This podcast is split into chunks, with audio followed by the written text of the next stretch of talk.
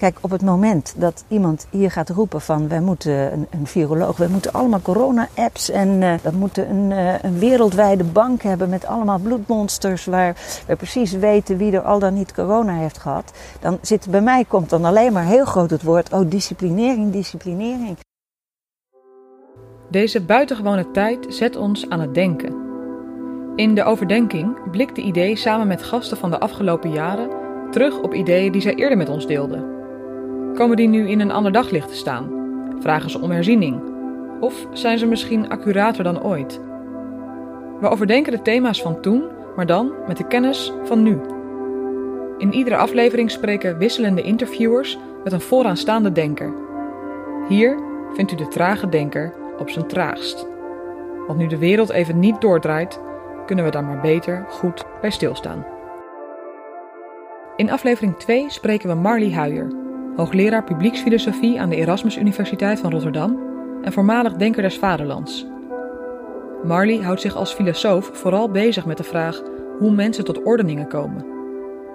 Discipline was dan ook het thema waarover we haar in 2017 spraken. Hoe disciplineren we onszelf? Die vraag lijkt relevanter dan ooit nu veel routines en structuren van buitenaf zijn weggevallen. Tegelijkertijd treedt de overheid sterker op dan we gewend zijn en disciplineert ons in wat we wel en vooral niet moeten doen. Hoe kijkt ze daarnaar? Mijn naam is Eline de Jong en samen met Gabriel van Rosmalen ga ik in gesprek met Marley Huijer. We overdenken discipline. Lieve luisteraars, welkom bij de tweede aflevering van de Overdenking. Ik ben Gabriel en ik zit hier samen met Eline in de beeldschone tuin van Marley Huijer. Marley, welkom. Of eigenlijk beter gezegd, dank dat we bij jou welkom uh, kunnen zijn. welkom bij mij. Welkom bij jou. Fijn dat je bij ons vandaag uh, wil praten over discipline, het thema van drie jaar geleden. En eigenlijk voordat we daarin duiken, uh, aan jou de vraag, ehm, hoe heeft de afgelopen tijd jou aan het denken gezet? Nou, waarschijnlijk net als met iedereen heeft die coronacrisis mij overvallen. Ik had niet gedacht uh, dat ik in mijn leven mee zou maken dat, dat er zo'n grote pandemie zou plaatsvinden. En het is iets waar, wat je in filosofiewerken wel tegenkomt. Hè? De, wat gebeurt er als er een epidemie of een pandemie is? En ja, het eerste wat ik deed is dus in die boeken duiken en kijken van hé, hey, welk effect heeft dat eigenlijk op samenlevingen, op het leven van mensen. En ik was eigenlijk, ik was van plan om in het geheel niet te laten afleiden door uh, alles wat er rondom de corona zou zijn en gewoon door te werken, want ik moet een boek af hebben wat niet af is, waar ik wel discipline voor heb, maar desalniettemin is het te veel werk. Ja. Uh, en ik heb zelfs nog met de uitgever overlegd van nee, ik ga me niet af laten leiden door die corona. En uh, ja, er kwam een interview waarvan ik dacht, nou ja, weet je, Science Guide, Science een, blad ja, voor de universiteiten ja. en voor de hogescholen. Ik denk, nou oké, okay, daar kan ik wel een interview aan doen, dan, daar val ik me geen bijl aan. Was het hek van de en ja, toen, we, dat, dat werd meer dan 200.000 keer gelezen en daarna was het hek van de dam. Voordat we jouw uh, denken over discipline gaan loslaten op de situatie van nu, is het misschien goed om nog heel even een, een blik in het verleden te werpen wat we destijds met jou hebben besproken over discipline. Um, dat is een aflevering die nog steeds te beluisteren is op, uh, op Spotify voor, uh, nou, voor, voor, voor de luisteraars die dat, die dat terug willen luisteren.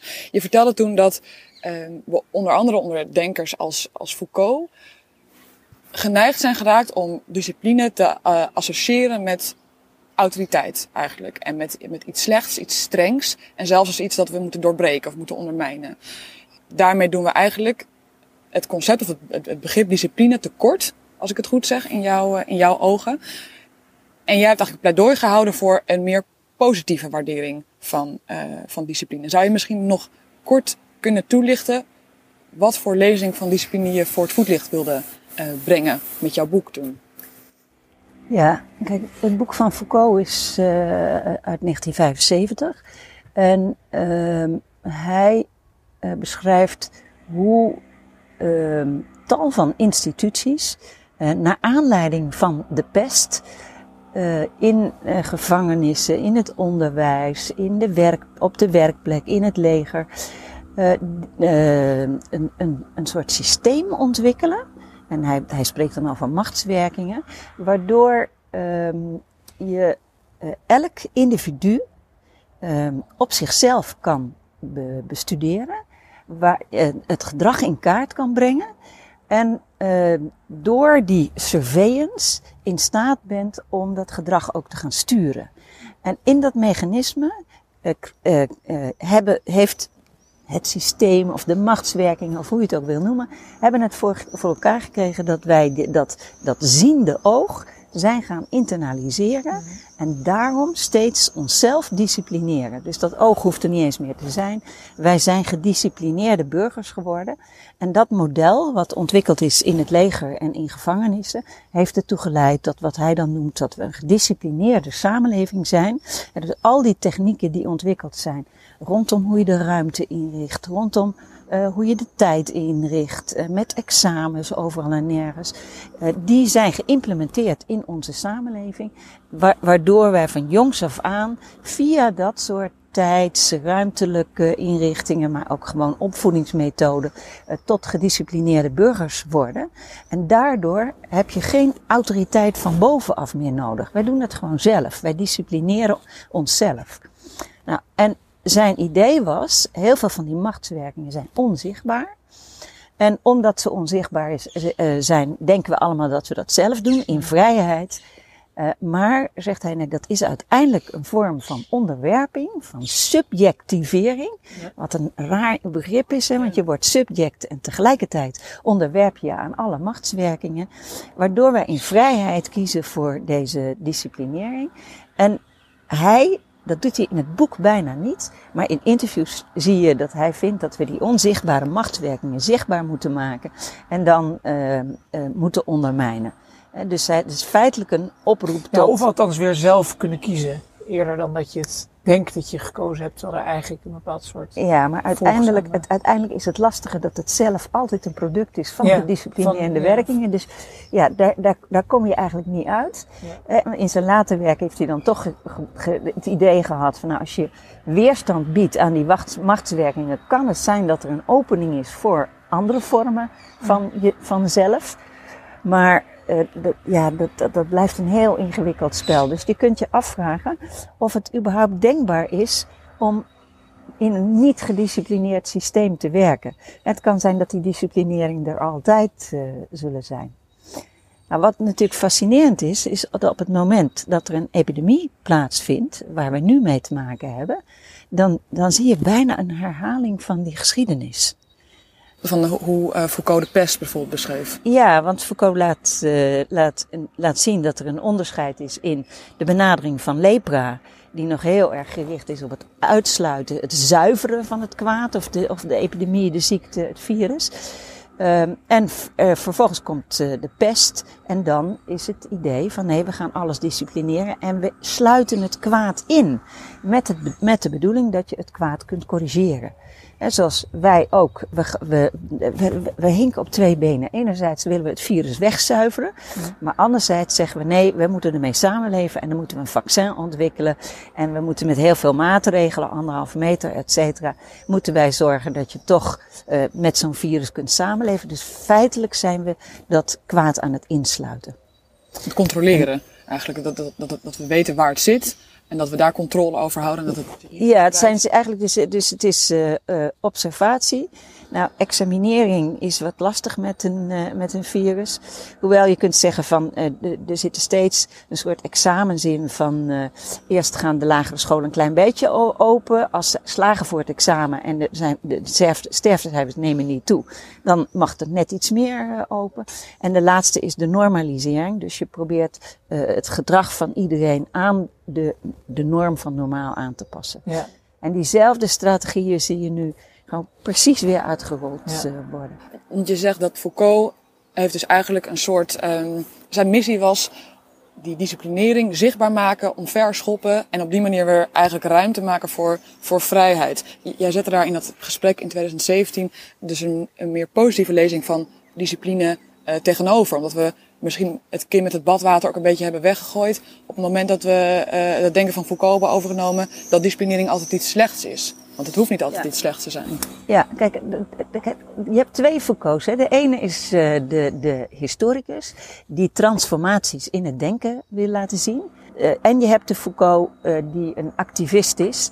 En die elke, elke ja, maatschappelijk onrecht tegen marginale aan wil kaarten. Uh, en die laatste activist is degene die het duidelijkst die disciplinering uh, uh, wil aanpakken en ondermijnen. Um, dat paste heel erg in de jaren 70, waar, of eigenlijk al vanaf de jaren 60, waar je ziet dat de hele samenleving bezig was om elk gezag aan te kaarten, elke autoriteit aan te kaarten. Discipline was alleen maar slecht. Er komt natuurlijk ook nog in, uh, in West-Europa vanuit een antipathie tegen de kadaverdiscipline van uh, in de, in de, tijdens de Tweede Wereldoorlog. Dus discipline stond in een heel slecht daglicht. Um, maar het lastige is dat als je dan ziet wat er in de decennia daarna gebeurt, uh, dan zie je dat Europa steeds rijker wordt. Um, met die luxe is er ook een enorme overdaad ontstaan. Uh, met als gevolg dat je overal en nergens eten kunt krijgen. Soms is het weliswaar heel goedkoop en word je er heel vet van. Je kunt overal en nergens kun je een biertje uh, krijgen. Je kunt de hele wereld overvliegen. Uh, en dat heeft allerlei uh, grote wereldomvattende negatieve consequenties van uh, dat de helft van de wereldbevolking uh, obesitas heeft en daardoor gevoeliger is voor allerlei ziektes. we, we denken we nu over corona, maar datzelfde geldt ook voor kankers en hart- en vaatziekten.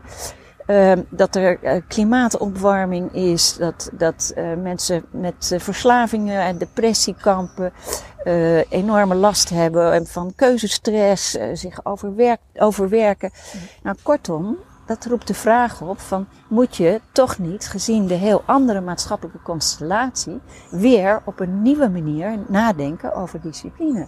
Want als je iets de moeite waard vindt in het leven, dan heb je discipline nodig om te zorgen dat je dat ook kunt meemaken of kunt ervaren. Of de dingen kunt doen die je waardevol vindt. Een heel simpel voorbeeld. Als jij uh, voortdurend uh, 80, 90 uur uh, per week aan het werken bent, omdat je steeds het gevoel hebt, ik moet die deadline halen, ik moet die deadline halen. En je komt nooit toe aan datgene wat je waardevol vindt. Of dat nou het zoenen van je vriendin is, of uh, naar een bioscoop gaan, of een goed boek lezen dan heb je feitelijk niet de discipline om dat wat het leven interessant maakt ook vorm te geven. En dat, dat, dat levert dan weer uh, een, een andere manier van onvrijheid op. Zou je dat zo kunnen zeggen? Ja, kijk, ik vind vrijheid vind ik echt zo'n lastig uh, begrip. Ik denk dat vrijheid niet iets. Voor mij is vrijheid nooit een, een losstaand, transcendent uh, begrip. Vrijheid is voor mij altijd iets wat je in je brengt vrijheid in praktijk. Dus je neemt een vrijheid, of je neemt de vrijheid om um, datgene wat je de moeite waard vindt, bijvoorbeeld, om dat ook in praktijk te brengen. En ik denk niet dat je los van wat je, wat je doet, of, of los van de praktijk, eigenlijk van vrijheid kunt spreken. Om, om dan je, je, je vrijheid in praktijk te brengen, zou een nieuwe vorm van discipline nodig zijn in die tijden van, van overvloed, zoals je, zoals je beschrijft. Ja, kijk, heel veel mensen denken dat je gedisciplineerd bent als je, eh, als je bijna niet kan stoppen met werken. Terwijl je ook kan zeggen, nee, dat is een gebrek aan discipline. Want je hebt niet de discipline om te stoppen. En je hebt dus ook niet de discipline. En discipline is feitelijk, eh, als je etymologisch kijkt, is eh, dat je, dat je, dat je leert om te leren.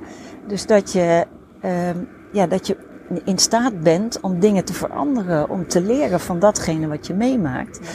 En je, die discipline, die in plaats van hem in te zetten puur en alleen om er eindeloos door te werken en misschien daar wel helemaal niet, niet happy mee te zijn, kun je die discipline dan beter gebruiken om te denken van hé, hey, wat, hoe zit mijn leven in elkaar en hoe zou ik eigenlijk willen dat het eruit zag? Welke dingen vind ik waard, de moeite waard in het leven? En, hoe, en dan zou ik het ook niet als ik willen zien, maar veel meer als wij. Van hoe kunnen wij dat met elkaar realiseren? Ja. En als je dan iets breder zou trekken, en er zijn natuurlijk verschillende vormen van discipline waar we zo meteen ook nog wel iets verder in zullen duiken. Je had het net over Foucault, de mate van dat je dus ook dingen normaliseert, naar, naar een nieuw normaal brengt. Daar leven we natuurlijk nu heel erg in. Ja. In het kader van alle maatregelen die genomen zijn nu en ook nog wel de komende maanden, misschien zelfs langer zullen aanhouden, om eigenlijk een andere discipline met elkaar te vinden. Is dat, is dat in jouw uh, visie ook dus inderdaad een nieuwe discipline die we met elkaar aanleren? Bijvoorbeeld hele feitelijke dingen, dat als wij hier komen en wij geven jou geen hand, is dat dan een nieuwe discipline? Van dit, buitenaf? is, dit, dit Dus- is ik, ik, het, hele, het hele nieuwe normaal Ja. is een disciplinering die van buitenaf komt. Ja. eh, die eh, gelegitimeerd wordt door, eh, door gevaar. Mhm. We, we, we zijn toch allemaal bang dat die corona een enorme hoeveelheid eh, sterfte geeft. En de angst maakt ook dat we ons gedis- gedisciplineerd gedragen. Dus, ik- maar mijn zin is het een discipline die geheel vanuit de overheid eh, komt. En- Ja. En, dit is niet een discipline die wij, we hebben niet zelf bedacht. Wat maakt het leven de moeite waard? Nou, allemaal anderhalve meter van elkaar af. Sterker nog, omgekeerde is het geval. Iedereen snakt na- ernaar om elkaar weer in de armen te kunnen Ja. sluiten. En eh, gewoon lekker op een terrasje een biertje te kunnen drinken. En gewo- weer gewoon te kunnen leven. Ja. Maar waarom doen mensen dat niet?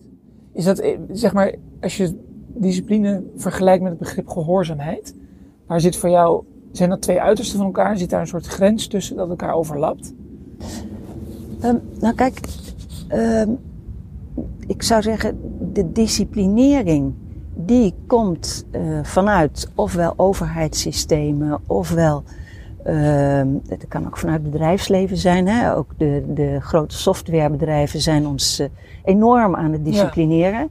Eh, ook als wij straks allemaal apps hebben, of het nou corona-apps zijn of apps of, om, om te kijken of jij eh, al ooit besmet bent geweest of niet. Of straks de, wat is het, de, de, de, de, de checker bij het restaurant die gaat kijken of je wel de goede QR-code hebt of je naar binnen mag. Eh, al die apps, dat zijn allemaal vormen van disciplinering die van, buiten afkomen. Ja. En die een reactie zijn op gevaar. En eh, dat zijn vormen van discipline die niet vanuit de, eh, de mensen zelf komen. En die systeemvormen van disciplineringen, die vergen allemaal vormen van gehoorzaamheid. En ja, kijk, je moet gehoorzaamheid niet alleen maar zien als van dat iemand jou een bevel geeft en je gehoorzaamt. Nee, het zit veel subtieler. Het is werkelijk een soort onderwerping aan, een, aan allerlei vormen van macht. Machttechnieken die je vaak helemaal niet eens in de gaten hebt. En kijk, op het moment dat iemand hier gaat roepen van wij moeten een, een viroloog, wij moeten allemaal corona-apps en eh, dat moeten, we moeten een, eh, een wereldwijde bank hebben met allemaal bloedmonsters waar we precies weten wie er al dan niet corona heeft gehad. Dan zit bij mij komt dan alleen maar heel groot het woord, oh disciplinering, disciplinering. Want waarschijnlijk wordt met het bloed ook alle DNA in kaart gebracht. Eh, eh, eh, leidt het ertoe dat wij allemaal een app eh, op onze smartphone hebben. Dat we gedwongen gaan worden om die dag en nacht aan te houden. Dat je niet meer zonder je smartphone naar buiten mag. Of als je dan naar buiten bent, dat je gecheckt wordt of jij je smartphone wel aan hebt. Ja. Ja, dat zijn, vind ik, vormen van disciplinering die heel sterk samenhangen met gehoorzaamheid. Ja. En is het dan zo dat ehm we hebben dus eerst ons heel erg verzet tegen eh disciplinering van buitenaf op een gegeven moment. En nu verwelkomen we het eigenlijk, omdat het ons ook een bepaalde houvast geeft eh, in een eh, oceaan van onzekerheid en, en, en angst eigenlijk. Hoe kijk je daarnaar, naar dat best wel sterke optreden van, van de overheid? Als we het vergelijken met normale tijden, als er ooit al sprake van is.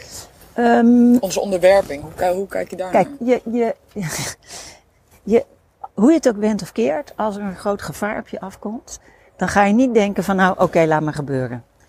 Ehm, nou is Foucault iemand die eh, eh, vindt dat de consequenties van je filosofische theorie niet bepalend moeten zijn voor of een theorie eh, valide is of niet.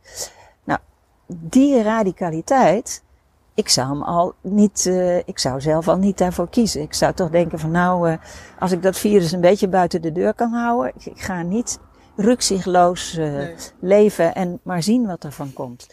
En Het is een, dat- beetje, een beetje autoriteit voor lief nemen. nou ja, daar ga je natuurlijk een afweging in maken. Van, je ziet dat er enorme disciplineringsmaatregelen over de hele bevolking worden ingezet. Of op de hele bevolking. En tegelijkertijd, ehm, ja, daar kun je wel volledig tegen weren en zeggen van ja, dit, ik wil geen enkele vorm van disciplinering. Ik wil volledige vrijheid en de vrijheid om helemaal zelf te kunnen beslissen wat ik doe. En ik wil ook vrij zijn om eh, me gewoon eh, te laten infecteren. Maar dat kan dus betekenen dat het risico dat je dood eh, gaat heel groot is. En ja, ik kijk ook als ik de straat over ga, kijk ik toch ook even links en rechts, zo gedisciplineerd ben ik wel. Eh, want ik heb niet zo'n zin om onmiddellijk overreden te worden. Dus daar zit je, daar zit je toch te balanceren. Als filosoof is het wel zo dat ik dan steeds denk van um, hoeveel, um, hoe, in hoeverre kun je het risico op de dood accepteren? Wat is het je nou waard om het allemaal in te leven? En dan kom je eigenlijk terug op die vraag in te leveren. Dan kom je terug op die vraag naar wat het leven de moeite waard maakt. Als ik nu zou bedenken dat ik hier in huis opgesloten zit. Kijk, en ik heb een prachtige tuin, dus ik heb helemaal niet te klagen. Maar als ik hier opgesloten zit en de komende 30 jaar zit ik hier opgesloten met mijn partner. En gaan wij ons uh, lekker erger aan elkaar en dat is het leven. En verder heb je helemaal geen andere activiteiten meer. Kun je mensen, kun je je kinderen of kleinkinderen niet meer zien. Kun je niet meer filosoferen, hè, want dat kan ook niet, want je kan niet meer in het openbaar spreken. Dan zou dat, dat zou voor mij het leven niet meer de moeite waard zijn. Dus daar ga je natuurlijk een afweging in maken van hoeveel disciplinering is eigenlijk nodig. En, en, gaat ten koste, en hoeveel gaat ten koste van datgene wat het leven de moeite waard maakt. En hoe, kijk, onze neiging op dit moment in de samenleving is om het, het risico tot nul te willen uh, reduceren. En dat komt omdat wij al in Nederland al 70 jaar geen oorlog of, of we hebben geen grote dingen meer, mee, grote gevaren meer meegemaakt. Dus we zijn in feite onze toerusting, onze uitrusting om gewapend te zijn. Ja, gewapend is misschien niet goed, maar om weerbaar te zijn tegen gevaar, ook psychisch, zijn we in heel, voor een heel groot deel kwijtgeraakt. En, en verliezen we dan op een bepaalde manier uh, de afweging die er eigenlijk gaande is uit het oog? Dat we dus niet goed zien dat de, de vrijheid die we nu uh, inleveren, uh, of die nog wel in verhouding staat tot dat wat we, uh, ja, wat, wat we daar een beetje mee verliezen ja. eigenlijk. Ik vind dat we op veel momenten die afweging uit het, op het moment dat uh, Hugo, ehm, jongen? die jongen zei ik ga, de, ik ga het verpleeghuis sluiten. Nou, ik was echt stupefait. Ik dacht echt van, wat? Dit is de laatste levensfase van mensen. Die hebben daar hooguit nog een paar jaar te leven. En de kans is heel groot dat ze in die, deze periode ook overlijden. En datgene wat het leven nog aan het, aan het einde van het leven de moeite waard maakt. Namelijk dat je, dat je je kinderen om je heen hebt, dat je met daarover kan praten, dat je een, een wandelingetje naar buiten maakt. Dat wordt aan deze mensen ontnomen. En zonder dat daar ook maar enig democratisch debat met de mensen zelf over is geweest. Dat is een rigoureuze maatregel om het met het idee van we gaan het risico tot nul terugbrengen. Ja, het erg is ook nog het schrijnende dat het risico daardoor alleen maar vele malen hoger is geworden. En maar zit die disciplinering dan niet eens zozeer in, uh, in de regels, in, in onze leefregels, onze nieuwe leefregels, maar misschien nog veel meer in, uh, in een bepaalde uh, angst die heel het wordt herhaald en uh, de, de ander is de vijand en jij bent, een, jij bent een gevaar voor de ander. Dat we dat zijn gaan internaliseren en dat we daardoor dit soort afwegingen die vanuit de overheid worden gemaakt, dat we ons daar veel makkelijker bij neerleggen. Dat er dus eigenlijk veel meer sprake is van echt disciplinering in de zin dat we een bepaalde, uh, een bepaalde afweging hebben geïnternaliseerd. Zie ja, kijk, het, het, zit, het zit volledig in het uh, discours. Op een gegeven moment op televisie, al dat, de frontberichten, weet je, allemaal oorlogstaal. Ja, en Macron die dan roept van we gaan oorlog tegen het virus. Uh, eerst was het oorlog tegen de terreur door Hollande en nu is het oorlog tegen het virus. Ja, dat is een terminologie waar je als president altijd heel populair van wordt. Hè? Als, je, als je als politicus uh, niet meer populair bent, dan ga je roepen dat er ergens oorlog uh, moet komen of dat er een grote vijand is, zodat het volk weer bij elkaar komt. En ze denken van, oh, onze leider gaat ons redden uit deze oorlog. Nou, dat, dat, die oorlog oorlogstaal werd nu ook weer door Macron gebezigd. En dat doet kennelijk een appel op iets in ons onbewuste. Waardoor we geneigd zijn om te denken van, oh, we moeten gehoorzamen of aan de leider, of aan het systeem, of aan. Uh, kijk, en Rutte doet dat dan op een bijna nog Foucauldiaanse manier. Ja, want dat subtieler. gaat veel subtieler.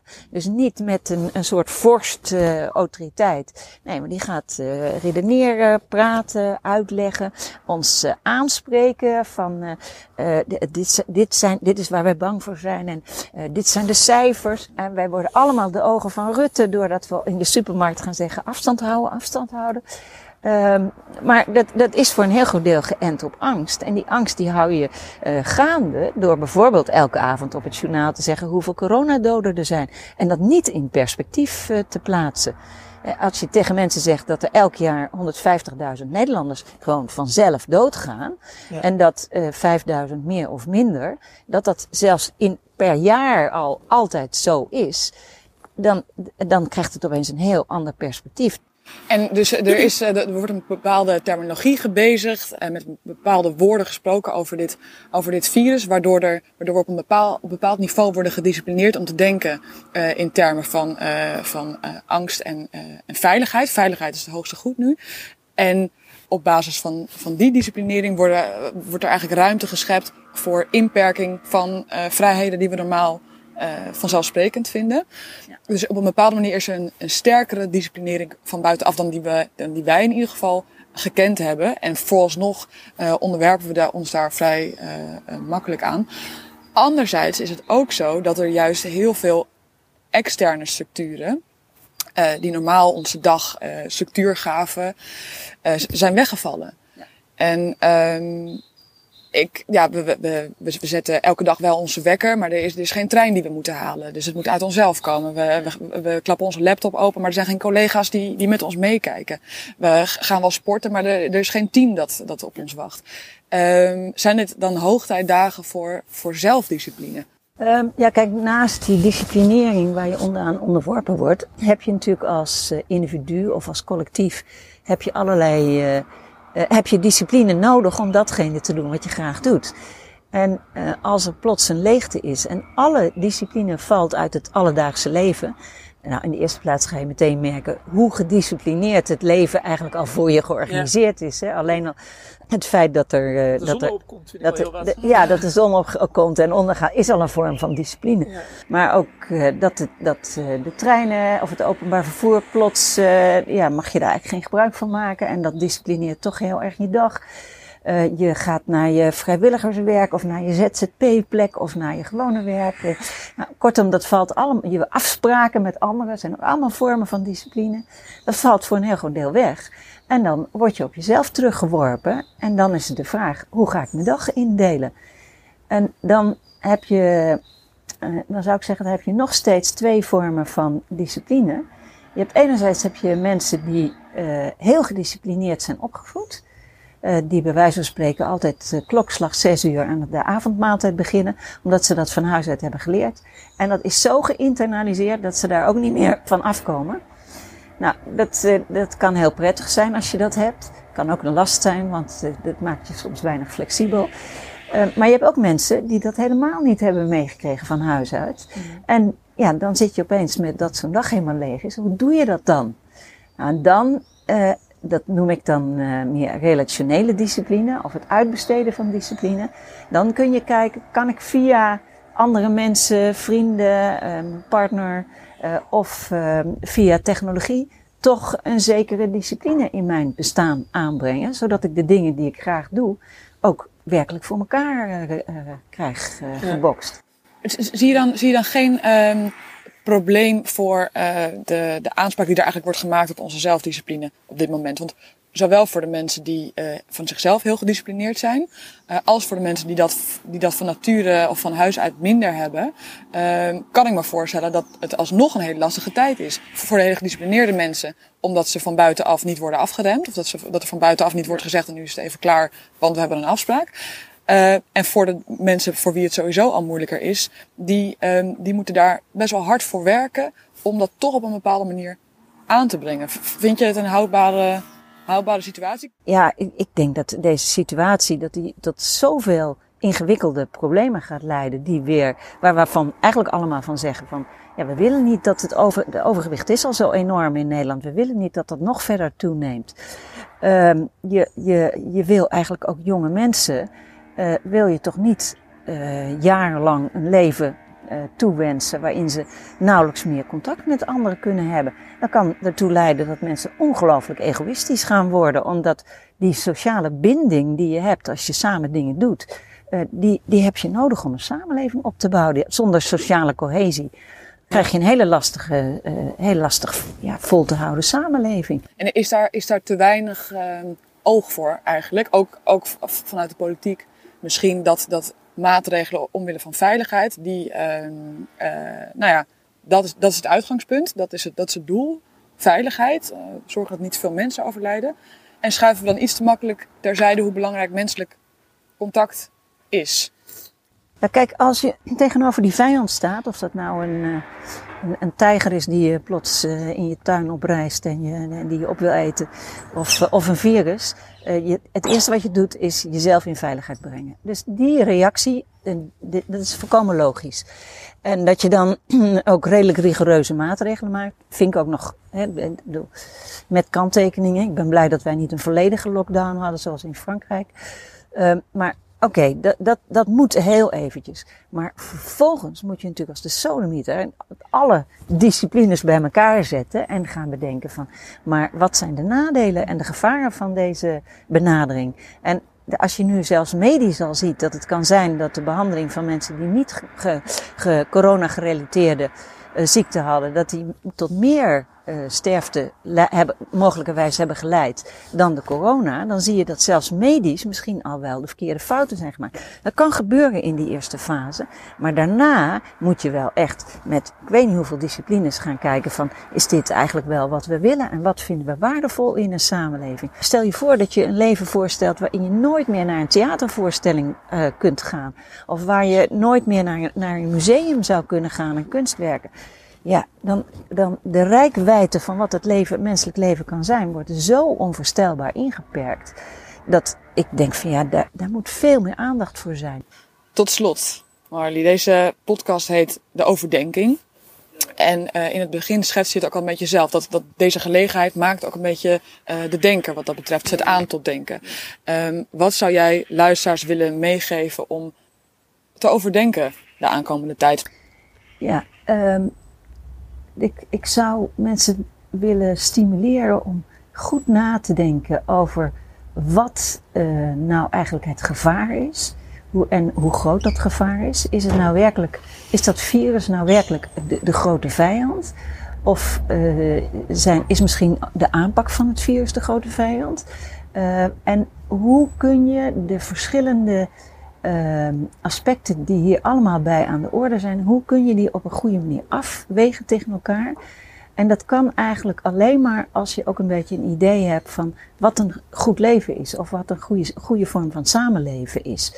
Dus het betekent dat je, uh, dat je erover na moet denken van uh, wat maakt een leven nou eigenlijk, ja, je kunt zeggen menselijk, maar uh, ik, ik, ben niet van alleen maar mensen. Ik vind ook alle ecosystemen heel belangrijk. Maar wat, wat, wat is nou belangrijk?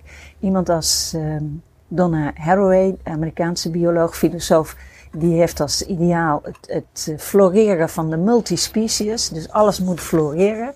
Nou, wat, wat is nou eigenlijk floreren in onze tijd? Als mens, maar ook als, uh, uh, als, als virus. En wat is, wat is floreren? En dan als je daarover nadenkt, hoe kun je dan bedenken wat een goede aanpak is, uh, zowel als op maatschappelijk niveau, maar ook op individueel of op de manier waar je met je vrienden omgaat, om met zo'n virus samen te leven.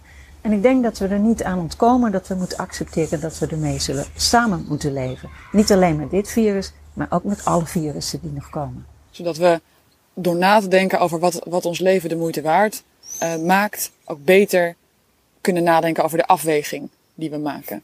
Ja. Zelf blijven denken. Wat vinden we de moeite waard? En hoeveel discipline van buitenaf verdraagt dat? Hoeveel discipline van binnenuit vergt dat? In die afweging zijn we vrij. Maar goed, dit is onze podcast.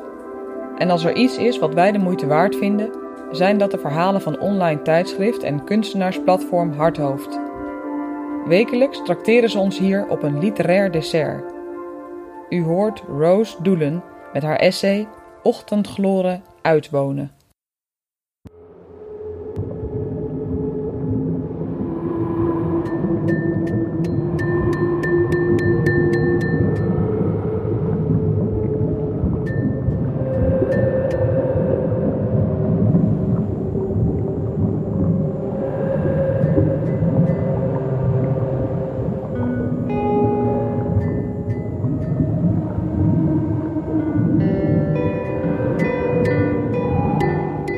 To-do-lijst poëzie.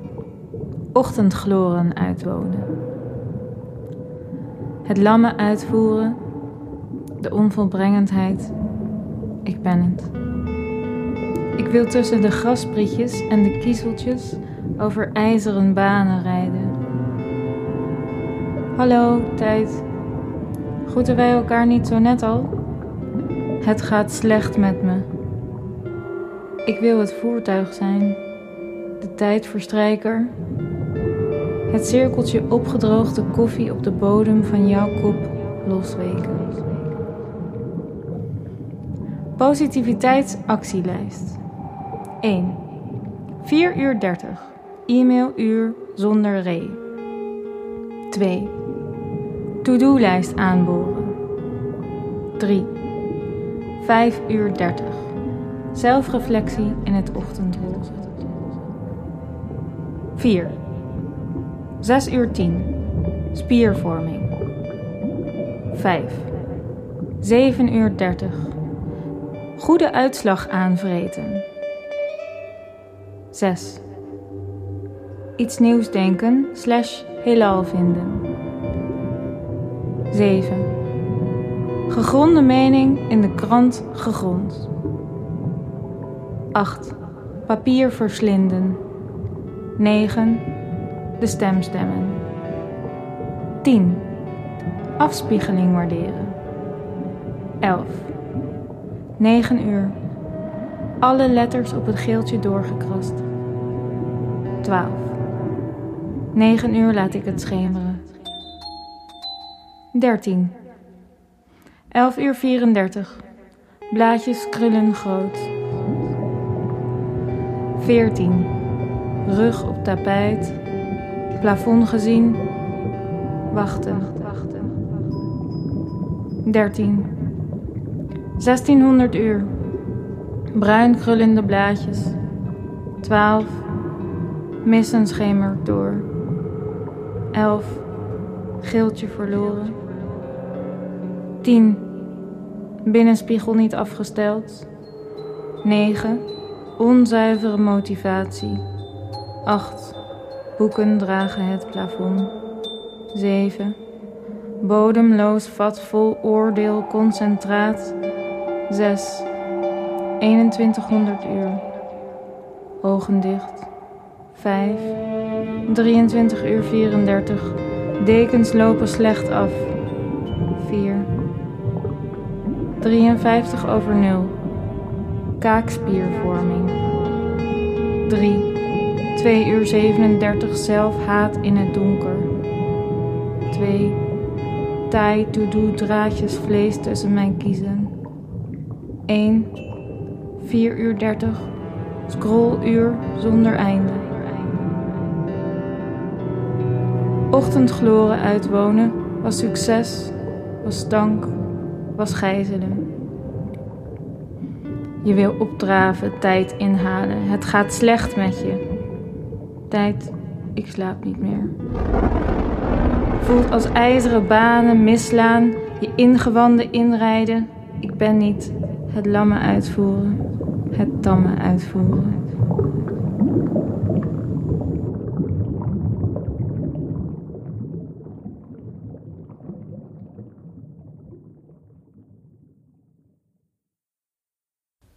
Dit was de overdenking van discipline met Marley Huijer. In de volgende aflevering spreken we de Belgische psychiater Dirk de Wachter over het thema onthouding. Ook levert Harthoofd dan opnieuw een mooie bijdrage. Heb je vragen of suggesties? Mail ons dan op teamdeidee.gmail.com